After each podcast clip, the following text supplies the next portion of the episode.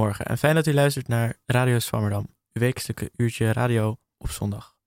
Mijn naam is Max Waterhuis en vandaag hebben we het over wetenschapsintegriteit. Het vertrouwen van de wetenschap is hoog. Volgens huidig minister, OCW-minister Dijkgraaf is dat daardoor ook kwetsbaar. Het wetenschapsvertrouwen kan ook te hoog zijn, omdat niet elk onderzoek en elke wetenschapper per se om kan gaan met de verantwoordelijkheid. Wetenschapsonderzoek gaat namelijk niet altijd over rozen. Uh, helaas hebben, uh, heb je ook altijd te maken met tegenvallende resultaten. En als, die, als, als een wetenschapper daar niet goed mee om kan gaan, wordt er nogal wel eens gesjoemeld. Ik heb uh, daarom vandaag te gast Lex Bouter, emeritus hoogleraar wetenschapsintegriteit en methodologie. Goedemorgen. Goedemorgen. En als tweede presentator heb ik vandaag Maaike Koorman. Goedemorgen. Goedemorgen. Uh, we hebben afgesproken de tutoireren wetenschapsintegriteit. Wat houdt het in? Dat gaat eigenlijk over dingen die je wel moet doen en dingen die je niet moet doen. Het gaat over gedrag van wetenschappers. En het gaat over dingen die uh, de waarde van wetenschap kunnen bedreigen.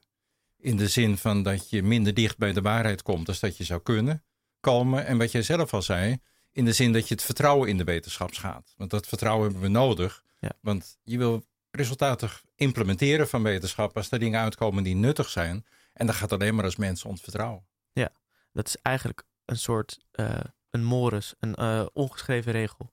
Uh, nou, het zijn ook wel geschreven regels. Hè. Je hebt allerlei gedragscodes daarvoor natuurlijk, hè, die dan vervolgens weinig mensen lezen, omdat het een beetje saaie materie is. Maar we weten eigenlijk wel wat de bedoeling is, maar het, het, het leven ook van de wetenschappers zit vol met dilemma's. En en het navigeren in dat traject van dilemma's, dat, dat is iets waar je je bewust van moet zijn. En ja, waarbij je dus ook fouten kan maken. En welke fouten worden dan vooral gemaakt? Nou ja, de meest verschrikkelijke dingen die dan ook in het oog lopen, dat is dat je je data verzint. want dan is het vrij makkelijk om te bewijzen wat je graag zou willen bewijzen als je data verzint. Maar dat is natuurlijk niet de bedoeling.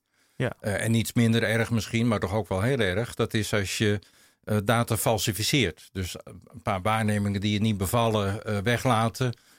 zodat het restje dan wel weer aantoont wat je graag gaat willen zien.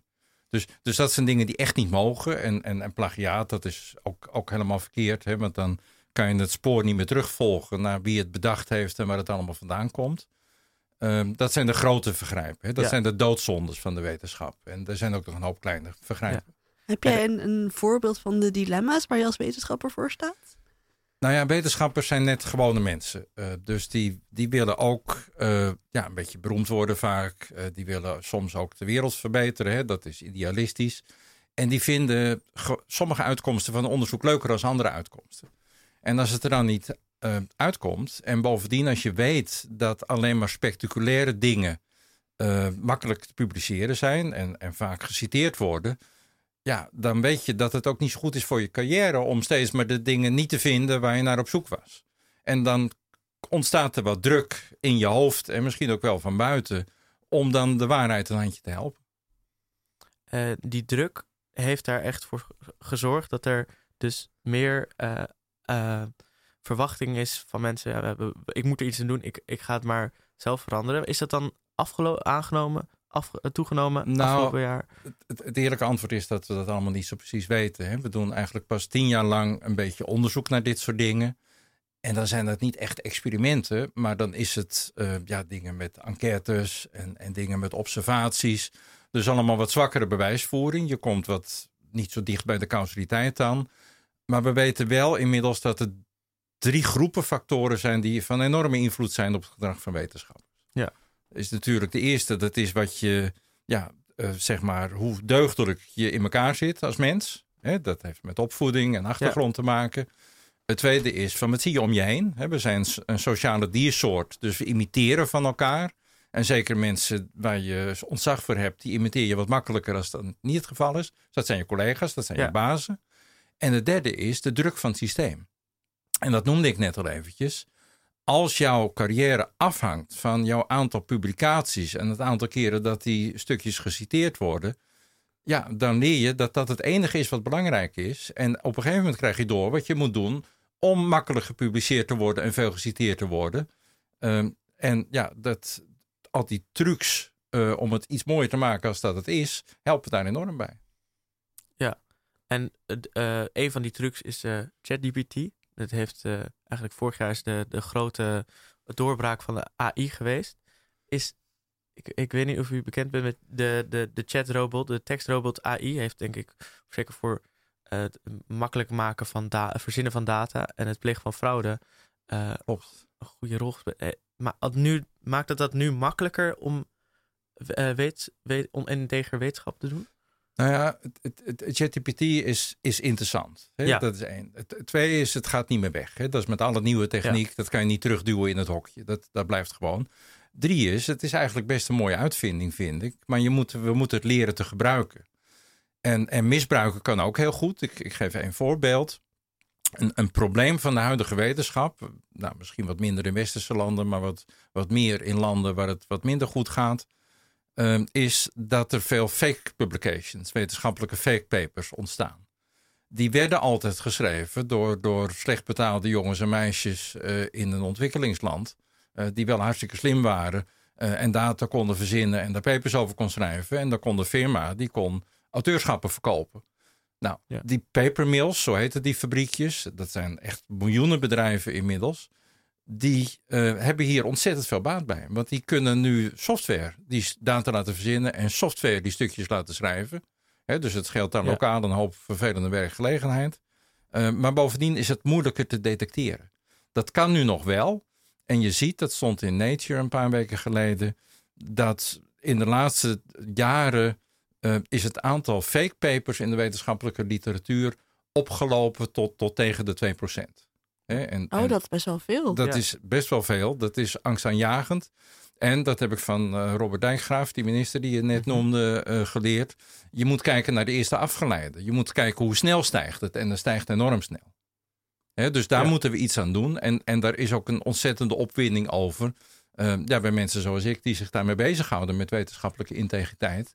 want het is, het is ook wel, wel duidelijk dat we nu dat nog konden detecteren. Maar als die software nog beter wordt, dan gaat dat waarschijnlijk ook niet meer lukken. Wat, wat maakt dat mensen fake papers pu willen publiceren, publiceren? Nou, dat heeft te maken met die derde categorie factoren die ik net noemde. Hè? Dus die, die systeem, systematische prikkels, en er kunnen perverse prikkels in het systeem zijn. Ja. Als jij betaald wordt om te publiceren, of als je carrière afhangt als publiceren, maar in sommige landen krijg je ook gewoon heel veel geld. Als je een publicatie in een mooi tijdschrift hebt, bovenop je slechte ja. salaris. Nou, dan, dan is het rationeel gesproken een, geen slechte investering om wat geld te investeren in een auteurschap op een fake paper.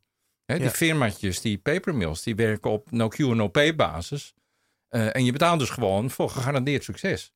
Oh ja. En dan betaal je een paar duizend euro. En dan krijg je een, een bonus van je baas van minstens dat bedrag.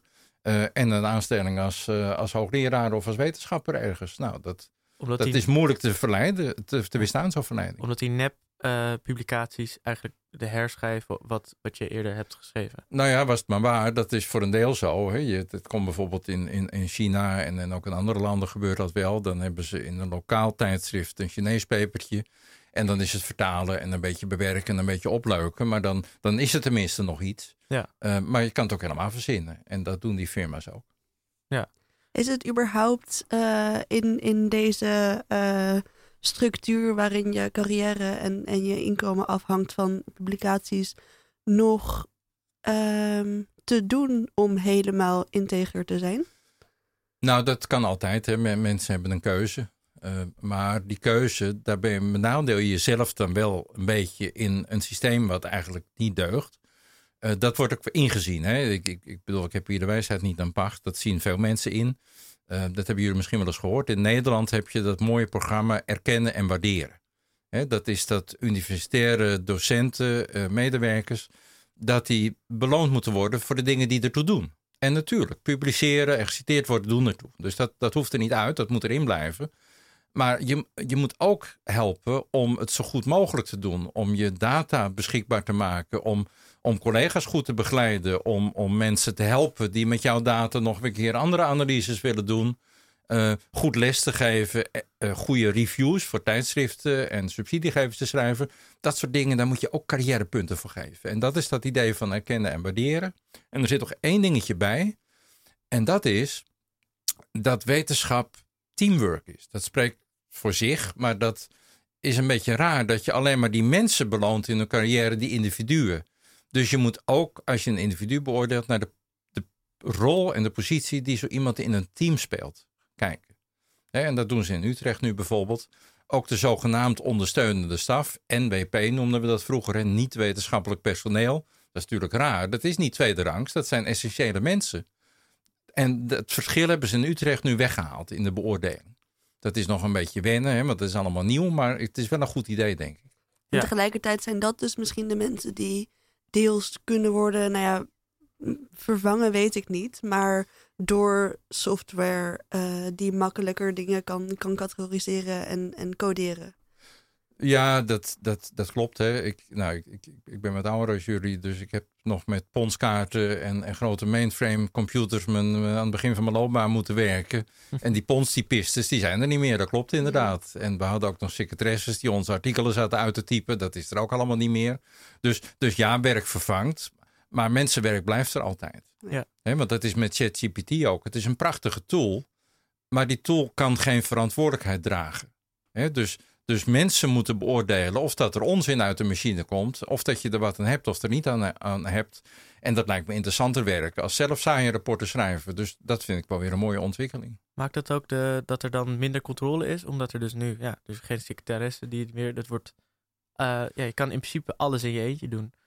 Ja, ik, ik weet niet of dat mensen in ondersteunende rollen, hè, zoals dat uh, vroeger heette, of dat die een sterke controlefunctie hadden. Die dragen ook verantwoordelijkheid. En, en er zijn ook wel gevallen dat daar de vervalsingen en de dataverzinningen begonnen zijn. Hè. Het, het, het, zijn ook gewone mensen uh, die ook voor een carrière afhankelijk zijn van hun succes.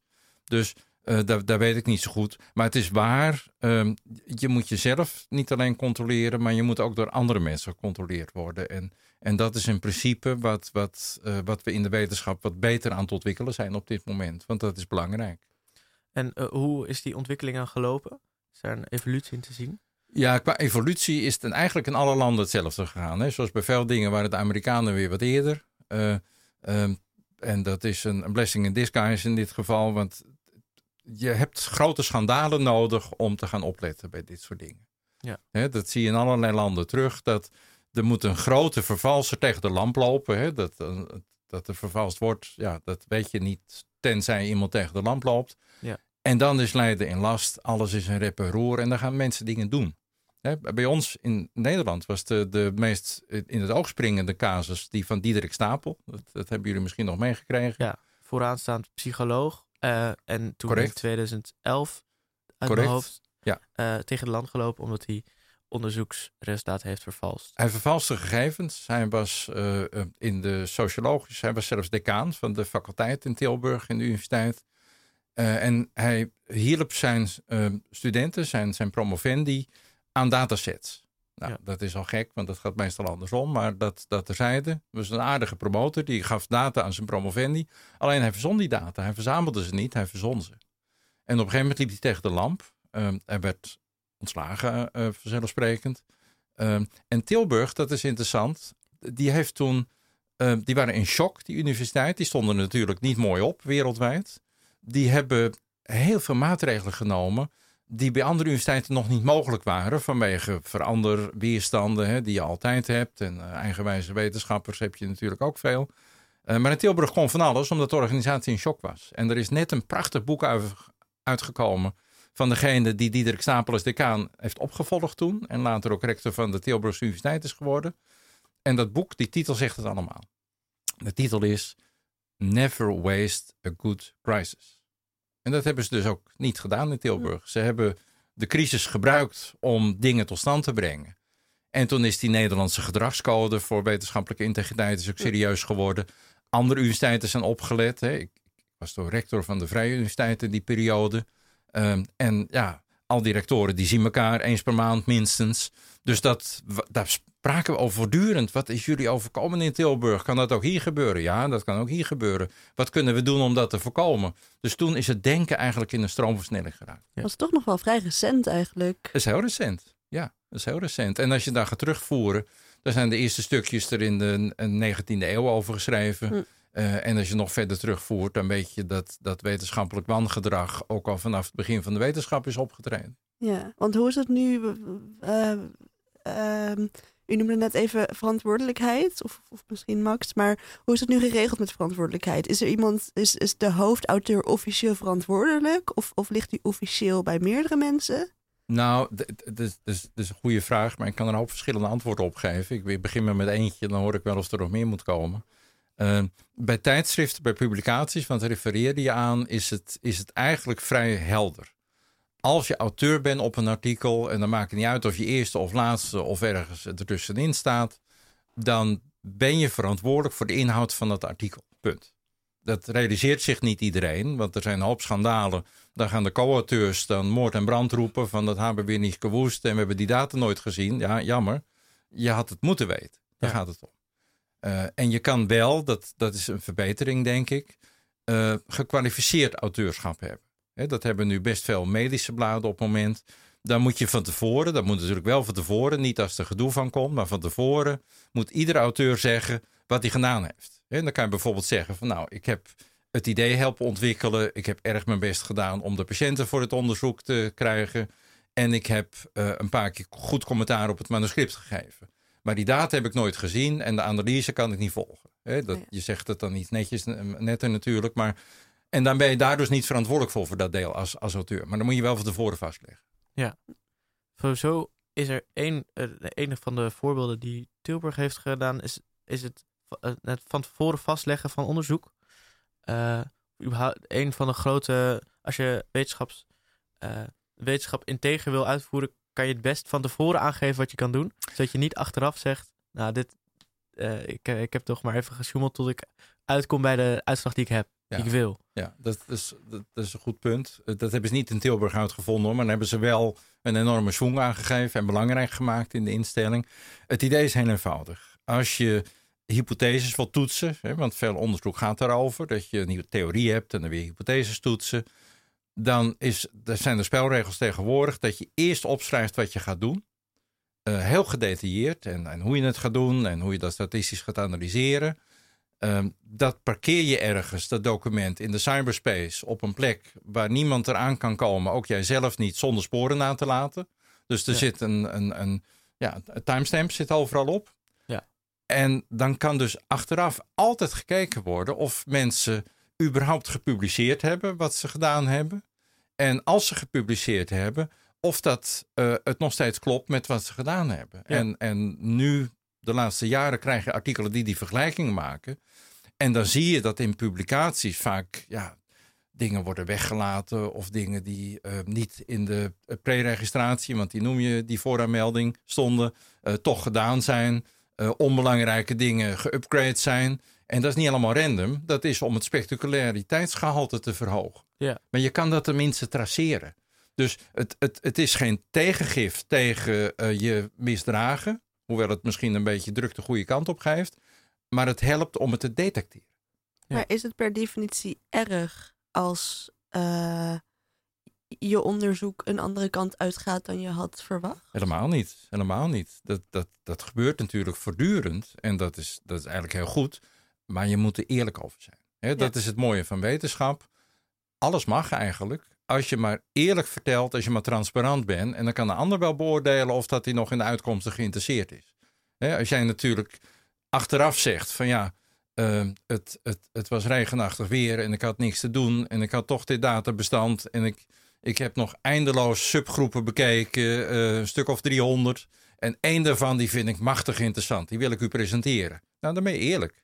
Ja. Maar je kan ook datzelfde ding, kan je zeggen van, je kan een artikel schrijven over die ene subgroep.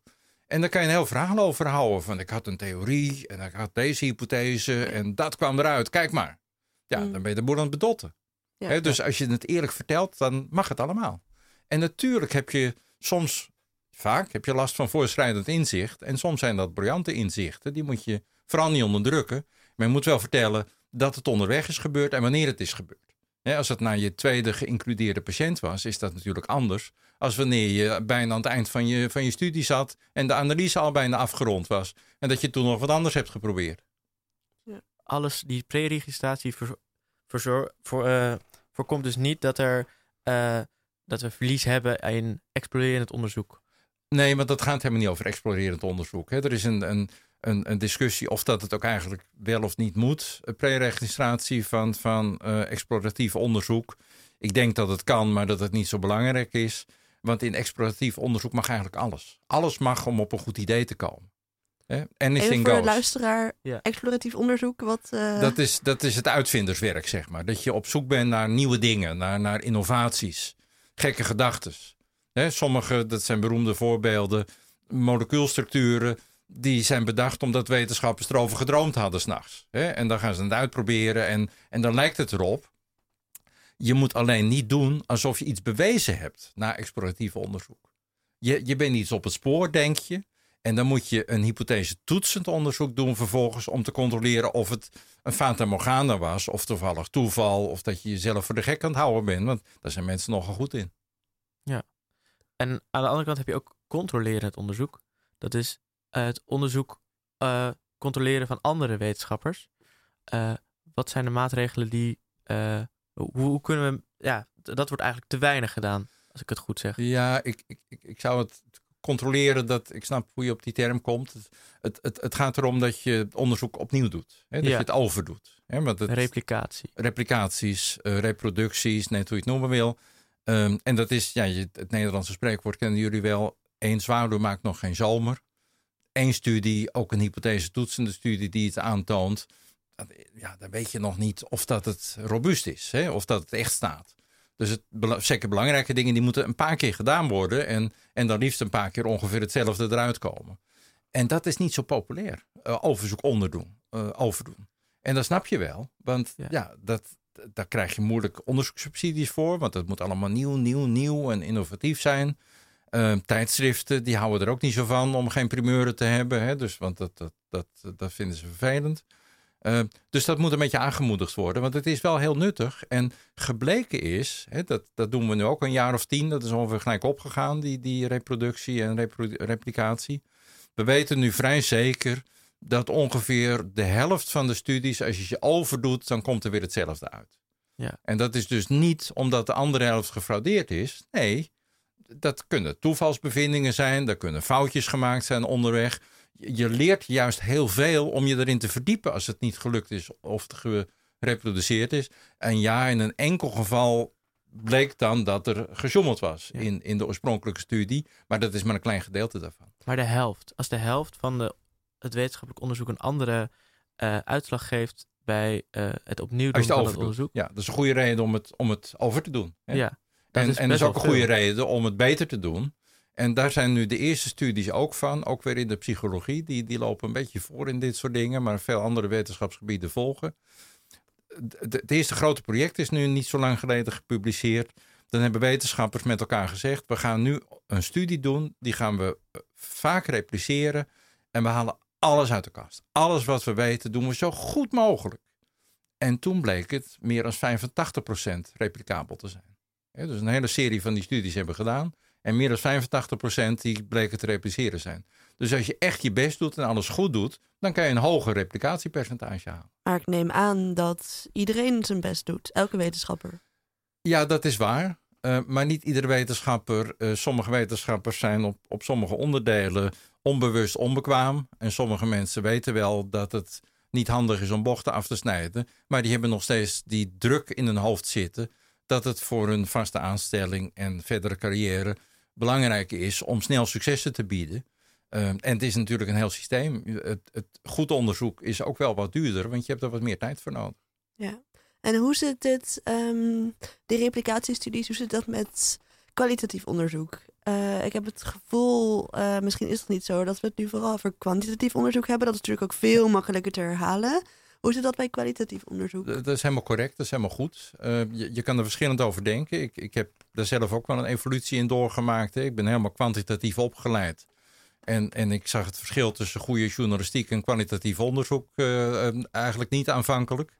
Inmiddels heb ik me er wat meer in verdiept en heb ik ook een hoop promovendi mogen begeleiden die één of twee hoofdstukken kwalitatief onderzoek doen. Dus ik ben helemaal geen expert, maar ik, ik snap het nu wat beter.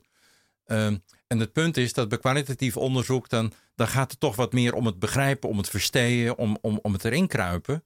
Uh, en, en in die zin is het iets meer hypothesevormend dan hypothese-toetsend onderzoek.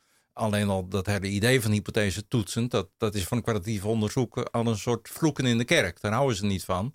dus je wil dingen wat meer begrijpen. Ehm, en die hebben ook vaak uh, een paragraafje erin, zijn, erin staan waar de onderzoekers reflecteren op hun eigen overtuigingen en posities. Dat noem je in een ander onderzoek conflict of interest. Uh, maar dat is dan altijd natuurlijk. Je vindt altijd wat. En als een onderzoeker dan het nog een keer overdoet, dat kwalitatief onderzoek, ja, dan komt er soms ongeveer hetzelfde uit. Hè. Dat, dat begint ook wel een beetje op gang te komen, maar soms ook niet. En dan kan dat best liggen aan de uitgangspunten van die onderzoeken. Dus ook daarbij geldt het, het, het is een goed idee om het te herhalen.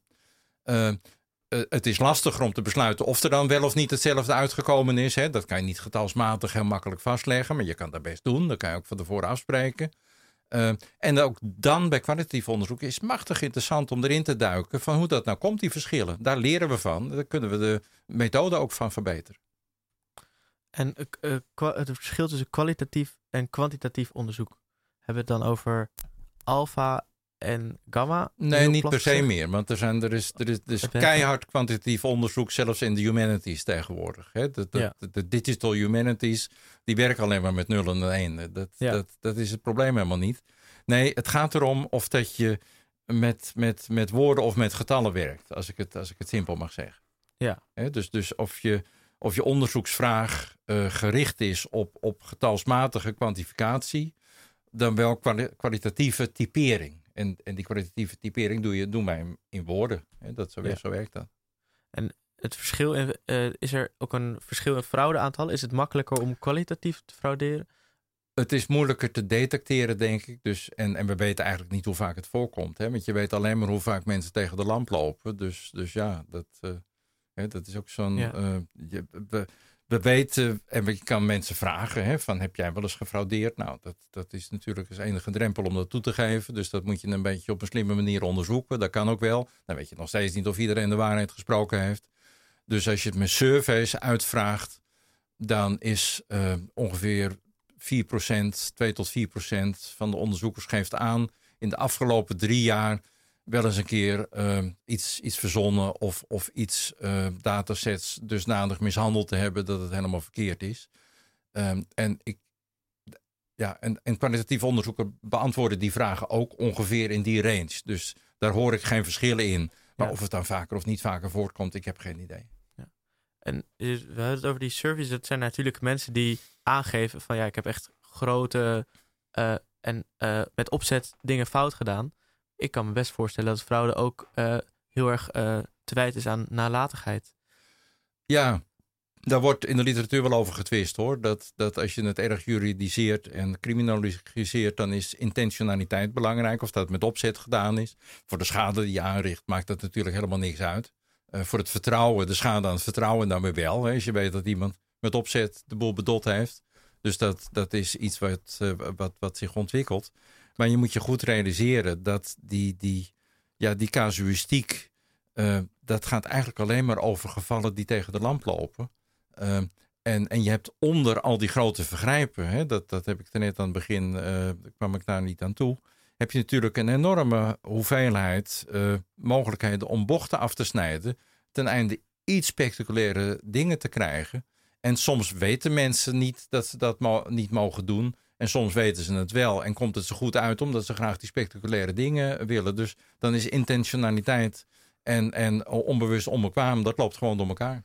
En waar ligt het aan dat ze het soms niet weten? Is, is, is nou, hier het is een kwestie van goed opvoeden en goed opleiden en, en, en goed superviseren. Hè? Dat, dat, supervisie, dat is de motor waar, waar de wetenschapskwaliteitsbewaking eigenlijk om draait. En want is hier op universiteiten, vind jij dat hier genoeg aandacht aan wordt besteed? Eh, het kan altijd meer, maar ik vind wel dat de aandacht enorm is toegenomen de afgelopen jaren. Dat, dat, dit, kijk, dingen beginnen met bewustzijn. Hè? Dus eerst moet je bewust zijn, dan moet je dingen mogelijk maken om het beter te doen. En dan verlieven lekker de druk een beetje opvoeren. Nou, we zijn nu in dat stadium van de druk een beetje opvoeren. Ja. We gaan zo luisteren naar een column van uh, Chris de Deugd.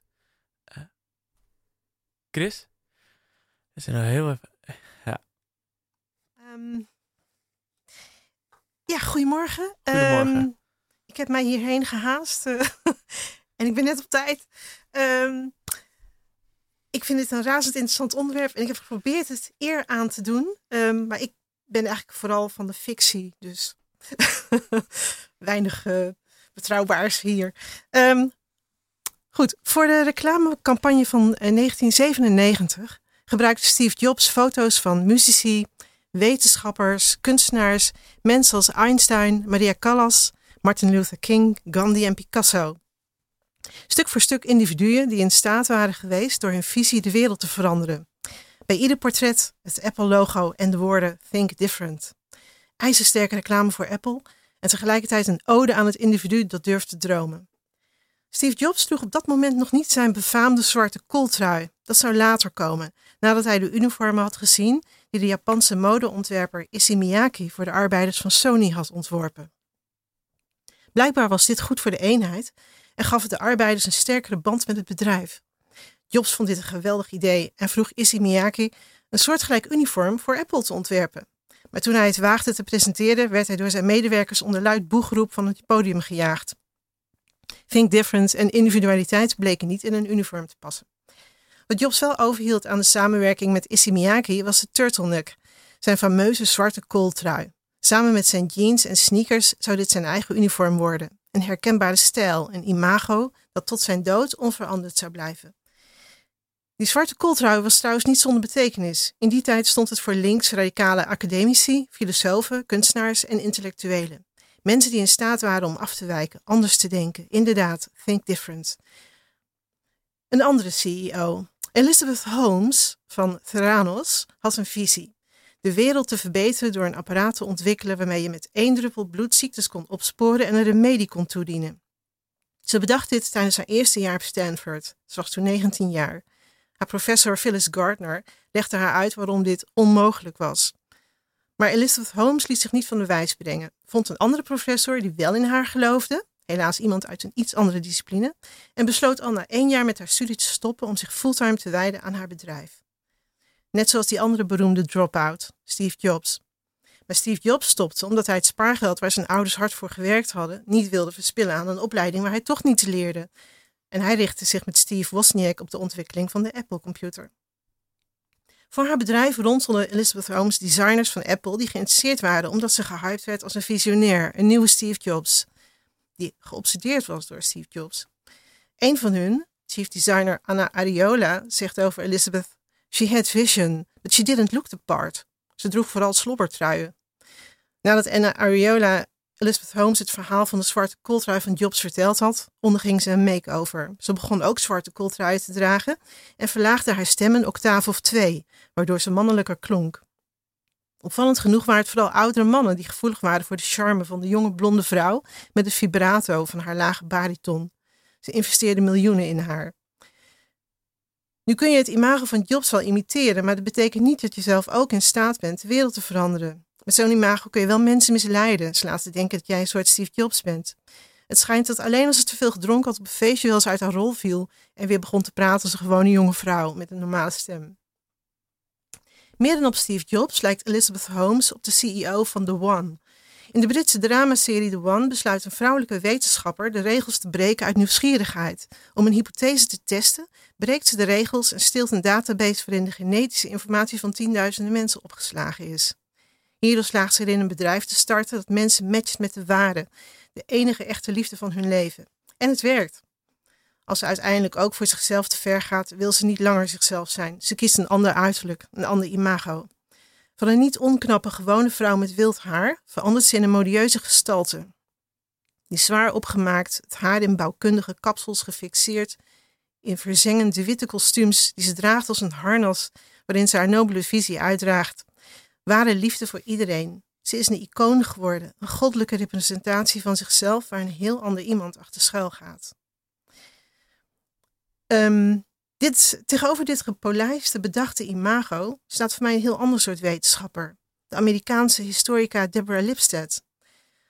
Dit is een eh, vrouw die de moed had en bereid was haar eigen reputatie en de geloofwaardigheid van de Holocaust op het spel te zetten, om de strijd aan te gaan met de notoire Holocaust-ontkenner David Irving. David Irving was ook een historicus, maar wist altijd de feiten net zo te verdraaien dat het anders uitkwam. In een Britse rechtszaak heeft zij verdedigd dat in Auschwitz gaskamers waren geweest om Joden te vergassen, wat hij ontkende. Dit is een vrouw die zich niet mooier voordoet, maar eerlijk zegt waar het op staat. Zelfs potentiële geldschieters niet naar de mond praat, maar indien nodig schoffeert.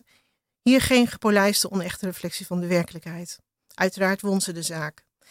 Ik moet nu rennen om op tijd bij Zwammerdam te zijn. Ik trek gehaast een van mijn vele kooltruien uit de kast. Ze zijn helaas niet van Issey Miyake, maar van Claudia Streeter. Maar ik ben dan ook gelukkig geen visionaire genie of iemand die daarop zou willen lijken. Dank u wel. Dit is een column van Chris Deug. U luistert naar Radio Zwammerdam, uw wekelijkse uurtje radio op, uh, uw wekelijkse uurtje wetenschap op Radio Salto. Aangeschoven is Lex Bouter, emeritus hoogleraar wetenschap en integriteit. Uh, ik vond het een hele mooie column. Zeker, ja. Ja, dat vond ik ook.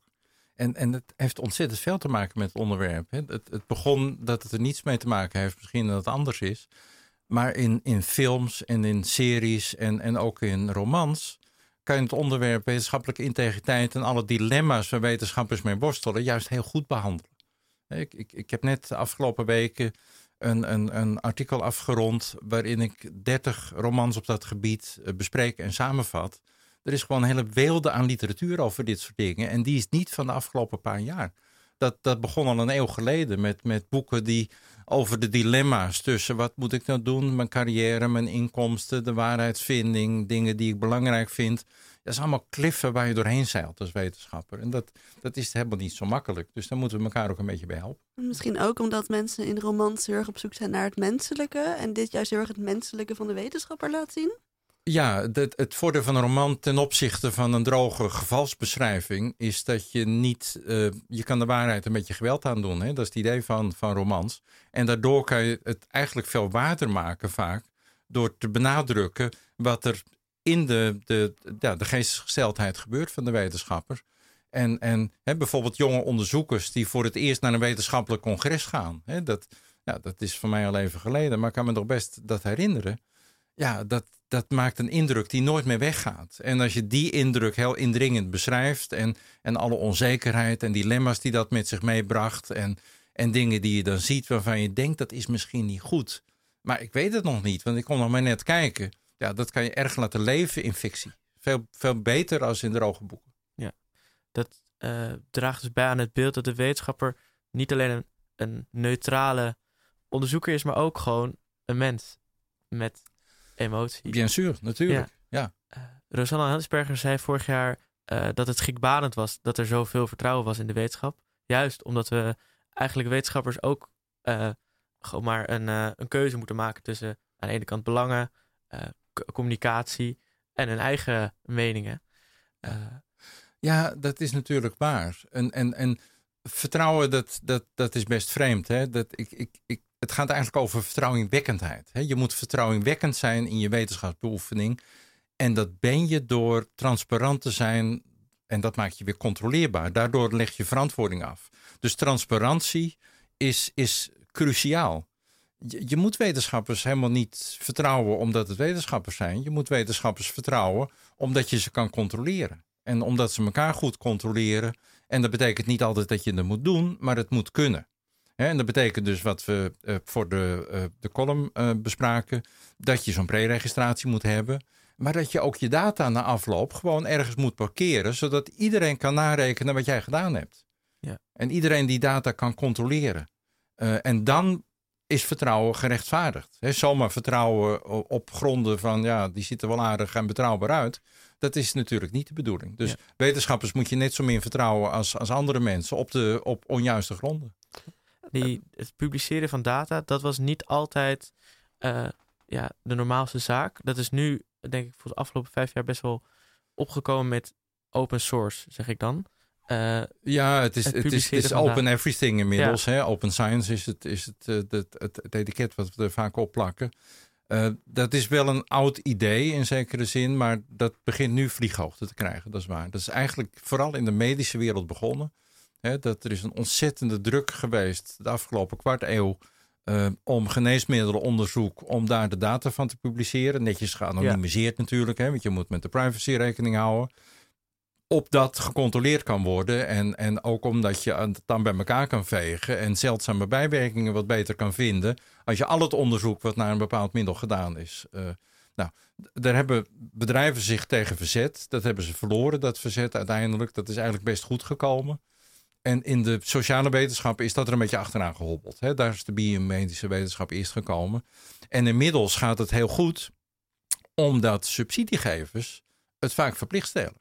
Ja, dat geld dat willen we wel als wetenschapper. Dus als het verplicht is om je data te parkeren na afloop van je studie, als je anders geen subsidie krijgt voor je onderzoek, dan doe je het wel. En ook tijdschriften die stellen het steeds vaker verplicht om de data in te leveren met het conceptartikel, zodat ze het op de redactie nog even kunnen narekenen als ze willen. En Open Science houdt in dat het uh, voor andere wetenschappers wordt gepubliceerd of echt voor iedereen? Uh, dat is, er zijn gradaties in. Uh, het, het, sommige mensen roepen, en daar hoor ik ook wel bij, publiek tenzij. Hè, er zijn natuurlijk goede redenen voor. Hè, als je kijkt of dat het ebola-vaccin gebruikt kan worden in biologische oorlogsvoering. Als dat je onderzoek is, dan moet je dat misschien niet openbaar publiceren, de uitkomsten daarvan. dus er zijn echte uitzonderingen op. Uh, maar dat zijn er niet zoveel. Uh, wat, wat mij betreft de verkeerde uitzondering zijn, dat, dat is uh, ja, chauvinistische, uh, nationalistische overwegingen. He, zo van nee, dan, wordt, dan stelen de Chinezen en de Japanners die stelen het als we het publiceren. Uh, en wat ook niet zo goed is, maar wel begrijpelijk, en er is wel een mouw aan te passen, is als mensen er denken geld mee te kunnen verdienen en patenten te kunnen verkopen. Nou, dat laatste hebben we een oplossing voor, want dan kan je een embargo erop zetten. dus dan kan je een aantal maanden of, of maximaal een paar jaar uh, de, er een embargo op zetten. En dan daarna kunnen mensen er allemaal bij, maar dan heb jij al zoveel voorsprong met je patent dat dat product er al lang is dat dat niet meer in te halen valt. Dat is een soort verschuiving van een wetenschapper die dit puur doet voor zijn eigen publicaties naar een wetenschapper die dit als een teamwork met de, met de hele wereld uh, probeert aan te pakken. En ik denk, ja, het, weer, ja. Sorry, het, het, het zit ook dicht bij het hart van de wetenschap. Hè? Want ik, ik, ik, nou, ik, ik spreek nog steeds veel, veel jonge wetenschappers. Ik heb eigenlijk nog nooit iemand gesproken die zegt van weet je, ik ben de wetenschap ingegaan om nou eens lekker te kunnen frauderen en bochten af te snijden dat zijn vaak verhalen van mensen die willen de, de, de mensheid of de natuur verder helpen. Dat zijn vaak hartstikke idealistische motieven en goede bedoelingen. En, en die goede bedoelingen kan je natuurlijk best realiseren via een commercieel traject. dat dat, dat komt voor en er is ook helemaal niet zoveel mis mee. Uh, maar het idee is wel dat je het doet gefinancierd door de maatschappij. En dat je dus het moet teruggeven aan de maatschappij in, in alle mogelijke vormen. En open methode en open data horen daarbij, als het kan. en dat kan heel vaak. Dat is een bepaalde vorm van verantwoordelijkheid die de wetenschapper draagt. Vind ik wel, ja. En je moet dus niet zeggen, dat zijn mijn data, dat zijn niet jouw data. Dat, het zijn, de data zijn formeel vaak ook van de onderzoeksinstelling, hè, juridisch gesproken. Maar zijn eigenlijk van de maatschappij die eh, jou de kans heeft gegeven om dat leuke werk te doen. Ja. Hoe zit het dan met de verantwoordelijkheid uh, op het gebied van communicatie? Uh, dat iedereen uh, profijt heeft van het onderzoek dat jij doet. Niet alleen wetenschappers onderling. Ja, dat, wetenschappers die, die moeten ook carrièrepunten krijgen voor goed de dingen uitdragen, communiceren over een wetenschap. Dat betekent niet dat alles moet worden toegepast hoor.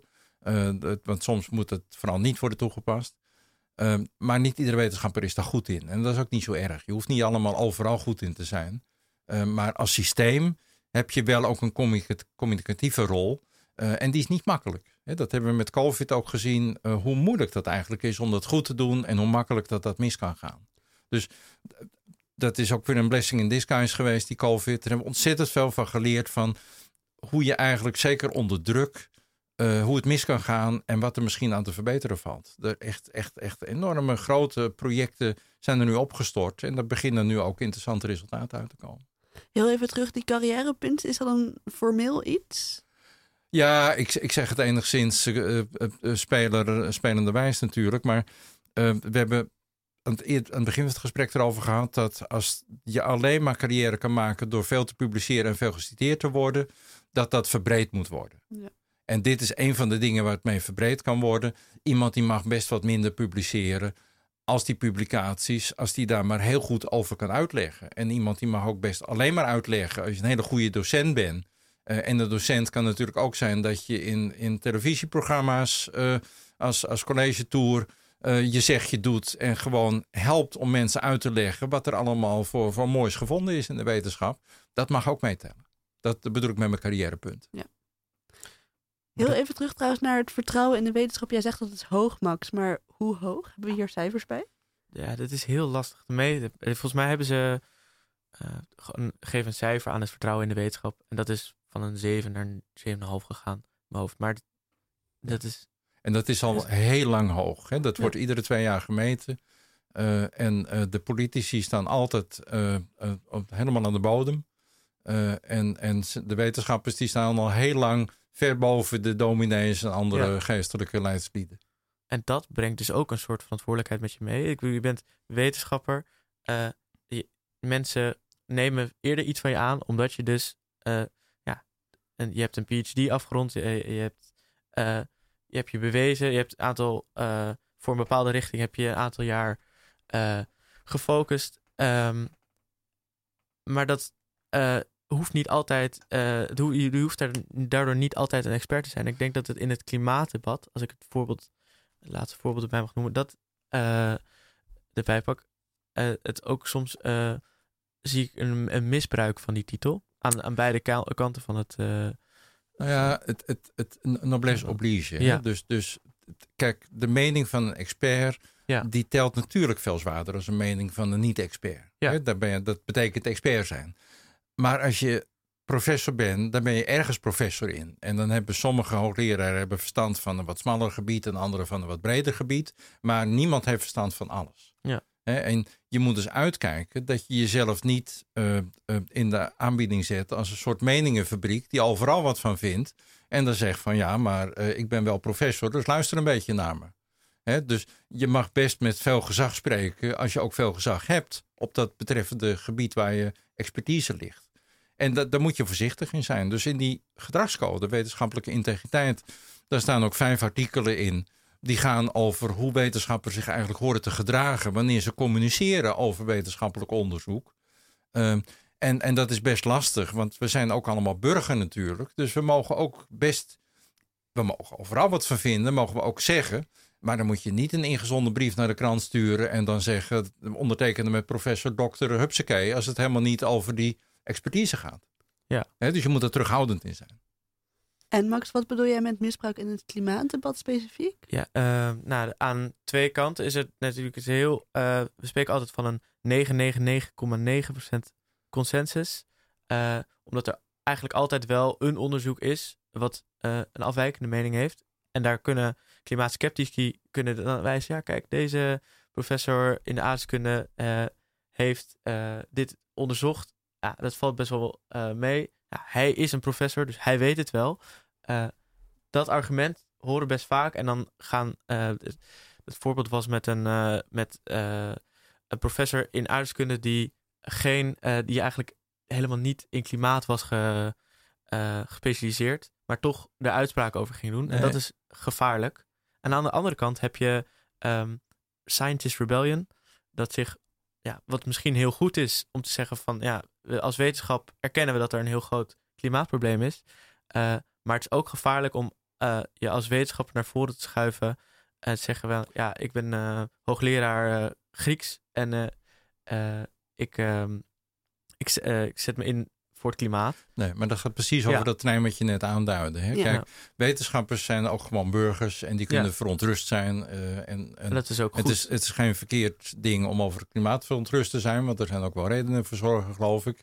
Eh, maar en dat, ja, dat je dan als wetenschapper op een snelweg gaat zitten, dat, dat mag ook nog gewoon. Hè? Dat hoort Mhm. gewoon bij de vrijheid van protest en meningsuiting in dit land. eh althans, volgens de meeste mensen die er verstand van hebben. Maar je moet dan niet doen alsof je daar als expert eh, zit. Tenzij je toevallig hoogleraar bij het KNMI bent. En wel dat meerjarige temperatuurverloop eh, bestudeerd hebt. Hè, Ja. Maar, maar het, het, het is best een lastig ding hoor. En Ja. eh, we hebben het al een paar keer gezegd. Wetenschappers zijn net gewone mensen. Dus we, wij vinden ook van alles. Hè? Dus het, het is helemaal niet erg om, om een emotioneel affect te hebben. Met, met sommige uitkomsten. Met sommige maatschappelijke ontwikkelingen. Maar het is wel erg als je niet je uiterste best doet om dat uit je wetenschappelijke werk te houden. Ja. Dat, ik, ik zeg niet dat objectiviteit makkelijk is, maar ik zeg wel dat je het zo hard mogelijk moet proberen. Hè, dat, dat is de gedachte ervan.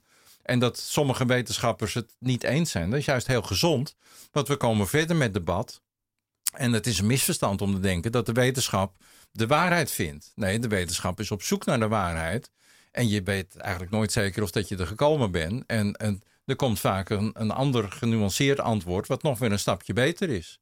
Hè, dus, en dat lijkt dan tegenstrijdig. Hè, van, hè, word je nou van worteltjes ziek en kan je er niet eh, te veel of niet te weinig van eten? Hè? En in die, die Ja. dieetwereld zie je dat heel veel. Mensen worden er hartstikke gek van dat die adviezen steeds veranderen. Maar ja, het is niet anders. We, we snappen het steeds beter. Ik vind het wel heel interessant dat we ehm, in termen van wetenschap, dat we nu praten over meningen en over debatten. Omdat het helemaal niet is wat de meeste mensen associëren met wetenschap. Nee, maar daarom benadruk ik het ook, nog een keer. Dat, dat het, het, wetenschap is een, is een methode om de werkelijkheid beter te gaan begrijpen. Eh, en, en daar is natuurlijk altijd discussie over mogelijk. Sterker nog, een van de standaardparagrafen in een wetenschappelijk eh, artikel heet discussion. En dat betekent dus dat je reflecteert op wat, wat jij gevonden hebt. Nou, betekent in het grotere geheel van wat was er al onderzocht. En wat betekent nou van waar we nog verder naar moeten kijken. En wat vind ik er eigenlijk van? Het is heel legitiem om dat te bespreken en daarover met elkaar in debat te gaan. Daar, daar hebben we die wetenschappelijke congressen voor uitgevonden.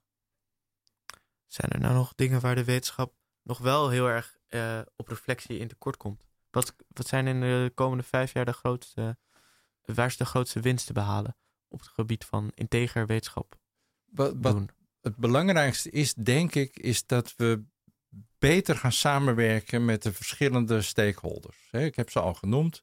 Je hebt de wetenschappers, je hebt de instituties waar de wetenschap bedreven wordt, je hebt de subsidiegevers, je hebt de grote bladen, de grote uitgevers. We kunnen het niet alleen. We kunnen de kwaliteit van de wetenschap, want daar hebben we het eigenlijk dit uur over, kunnen we alleen maar verbeteren door beter samen te werken eh, en te interacteren. Nou, dat begint op gang te komen. Hè, want eh, tijdschriften en, en, en de Elsevier's en de Springer Natures van deze wereld, die hebben ook hun verantwoordelijkheid. Hè. Die verdienen veel geld aan de wetenschappers. Die verkopen eigenlijk kwaliteitsbewaking, maar dat kunnen ze veel beter doen. En daar kunnen we elkaar bij helpen om het veel beter te doen. Dat, dat is belangrijk. En het tweede, als ik dat mag zeggen, eh, we moeten beter eh, ruim baan maken in de positieve zin van het woord voor de jonge onderzoekers. De early career researchers. Daar zit de verandermotor. Die begrijpen vaak niet eens, als, als ik dit soort verhalen vertel, waarom dat we het altijd zo gedaan hebben en waarom dat we het niet meteen goed hebben gedaan. En dat is natuurlijk precies de goede grondhouding. Ga daar vooral mee verder. Dus die initiatieven bottom-ups is dat vaak. Eh, open science communities heb je in Nederland. Je hebt allerlei groepen die met reproduceerbaarheid bezig zijn. Die moet je vertrouwen en een steuntje in de rug geven met elkaar. Want ja, dat zijn ook de hoogleraren van morgen natuurlijk. Dus die gaan het systeem veranderen met elkaar. En die zijn al hard bezig. Oké, ehm, ik denk dat we het eh, zo gaan afronden. Eh, dank u wel voor uw komst. Graag gedaan. Eh, dit was Radio Swammerdam en mijn naam is Max Waterreus. We hadden het over wetenschapsintegriteit. Aangeschoven was emeritus hoogleraar Lex Bouter. En ik dank Maaike Kooijman als tweede presentator. In de techniekhoek zat Daniel Teunissen. En de column was van Chris de Deugd. Eh, ik wens u nog een hele fijne zondag.